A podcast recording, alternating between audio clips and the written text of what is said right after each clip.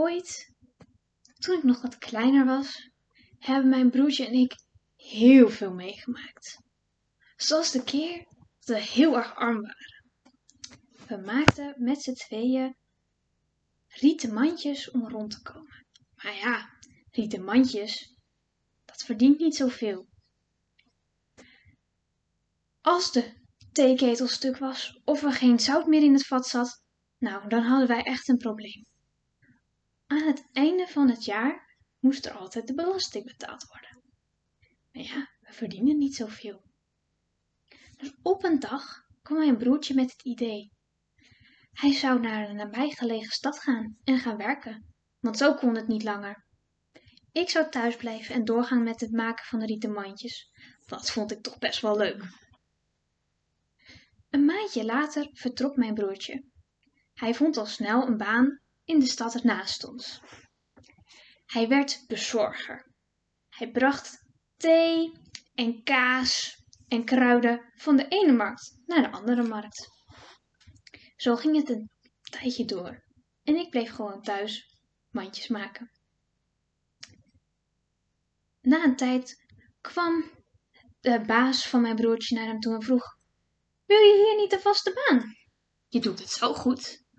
Maar nee, dat wilde hij niet. Hij wilde veel te graag terug naar mij. Een maand later kreeg hij zijn salaris en vertrok terug naar mij. Hij had genoeg verdiend voor de belasting. Hij was zo, ja, zo blij, want we konden het eindelijk betalen en we hadden nog extra geld van de mandjes ook. Op zijn weg naar huis dacht hij er steeds aan hoe blij ik zou zijn als ik weer thuis zou zijn. Was best een lange reis toch terug naar huis. En op een gegeven moment kwam hij bij het bos, dat de stad naast ons en onze stad scheidde. Hij keek omhoog. Het was toch al best wel donker geworden. De maan scheen wel, maar te lichtjes. Hij dacht na, ja, er waren ook geen huizen in de buurt waar hij naartoe kon. Hij besloot toch het bos in te gaan. Hij liep snel, want ja, hij wilde terug naar huis. Op een gegeven moment rende hij bijna. Hij keek nog omhoog. Ja, ja, de maan scheen nog steeds. Hij liep verder. En toen, hij zag iets glinsterends voorbij schieten. Wat was dat nou weer? Ha, hij hoefde er niet bang voor te zijn. Het was toch licht, het was toch niks engs. En hij geloofde al zeker niet in spoken. Hij liep verder en hij hoorde zacht gemurmel. Wat was dat nou weer? Nou ja, de, de maan scheen, het was allemaal niet zo eng. Het gemurmel werd steeds harder en hij zag steeds meer lichtjes in, in de buurt komen. Nu hoorde hij toch wel wat ze zeiden. Neem mij mee, neem mij mee. Als je me niet wil, loop dan door. Geschrokken keek hij om zich heen. Alles om zich heen was verlicht. Wat moest hij nou? Hij begon te roepen: Laat me met rust! Laat me met rust! Ik wil hier weg! Hij rende en rende in het donker door het bos. Thuis zat ik niets vermoedend te wachten. Maar ik was niet alleen. Mijn neefje was die avond langsgekomen. We zaten rustig samen rietenmandjes te maken. Want het zat in de familie immers. Geschrokken kwam mijn broertje binnenstormen. Met wilde, ver, verwilderde haren, zonder zijn schoenen uit te doen. En mijn neefje was helemaal boos, want hij riep niet eens hallo. En hij was al die tijd weg geweest. Nadat mijn broertje weer wat op adem was gekomen, vertelde hij wat hij had meegemaakt. Jongens, jullie weten nooit wat ik heb net heb meegemaakt. Er was echt een verschrikkelijke. Ja, ik werd gewoon overvallen in het bos. Vervallen? Nee, nee, nee, het, het waren lichtjes. Lichtjes? Het is toch licht? Dat is toch niet eng? Ja, ja maar ze riepen dingen.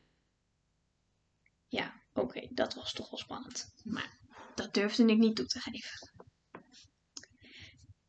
Later, op de avond, hadden we het er nog eens over met mijn neefje. En toen dacht hij: Die lichtjes in het bos, wat riepen die nou? Ja, daar heb ik niet op gewacht hoor. Uh, want ik wilde veel te snel weg. Anders was ik met huid en haar opgegeten. Dat ging ik mooi niet doen. Mijn neefje dacht verder na. Hij had wel eens gehoord over dat er een vloek was in het bos.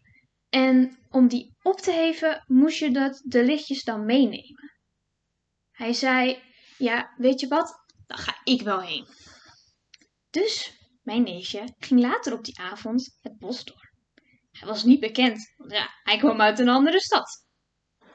Het was bijna pikken donker, want ja, het was nog later dan net. De maan scheen nog wat zachter. Mijn neefje liep het bos in en al snel hoorde hij gemurmel. Hm, wat zou dat zijn? Ook hij kwam de lichtjes tegen. Ze kwamen met grote groepen naar hem toe. Op een gegeven moment stond hij verstijf van angst. Wat moest hij doen? Ze, ze, ze riepen steeds harder. Hij stond maar. Op een gegeven moment is hij gaan schreeuwen, draaide zich om en kwam net zo hard rennend als mijn broertje terug naar huis. Nou, zei ik tegen die twee, als jullie het zo vertellen, het is toch maar licht en wat geroep. Ik weet niet hoor, maar dat vind ik niet eng. Ik pakte een tas, deed hem op mijn rug en ook ik ging het bos in. Ik kwam altijd in het bos. Ik wist de route op mijn duimpje. Dus langzaam liep ik het bos door en ongeveer op de helft zag ook ik iets glinsteren in de verte. Maar ja, dat kon ook wel iets anders zijn. Dus ik liep door. Ook ik hoorde in de verte wat geluid. Hm. Ja, het klonk toch best wel spannend, maar de maan scheen nog een heel klein beetje. En daar was toch licht. Licht is niet eng. Dus ik liep erop af. Ze kwamen met steeds meer bij elkaar en riepen: Neem mij mee, neem mij mee. Wil je me niet? Loop dan door. Na een paar keer riepen, roepen, onderbrak ik ze: Ja, ik wil jullie hebben. Kom bij mij. Ik ging door mijn heuken en opende mijn handboom. Daar sprongen de dansende lichtjes in. En ik voelde wat zwaars aan mijn schouders en wat hangen aan mijn benen. Ik dacht, ja, hoe ga ik dit nou meenemen? Dus ik zei tegen ze, um, ga maar zitten op de grond, dan pak ik mijn tas en dan mogen jullie met me mee. Ze sprongen allemaal in mijn tas en ik sjouwde hem op mijn rug. Maar het was zo zwaar. En elke stap die ik zette, leken de lichtjes wel zwaarder te worden. Het was niet donker meer. Je zag de maan niet, maar toch leek het klaarlichte dag. Lichtjes bleven schijnen in de tas. Na een helse tocht kwam ik thuis aan. Maar ja, die rugzak was zo zwaar.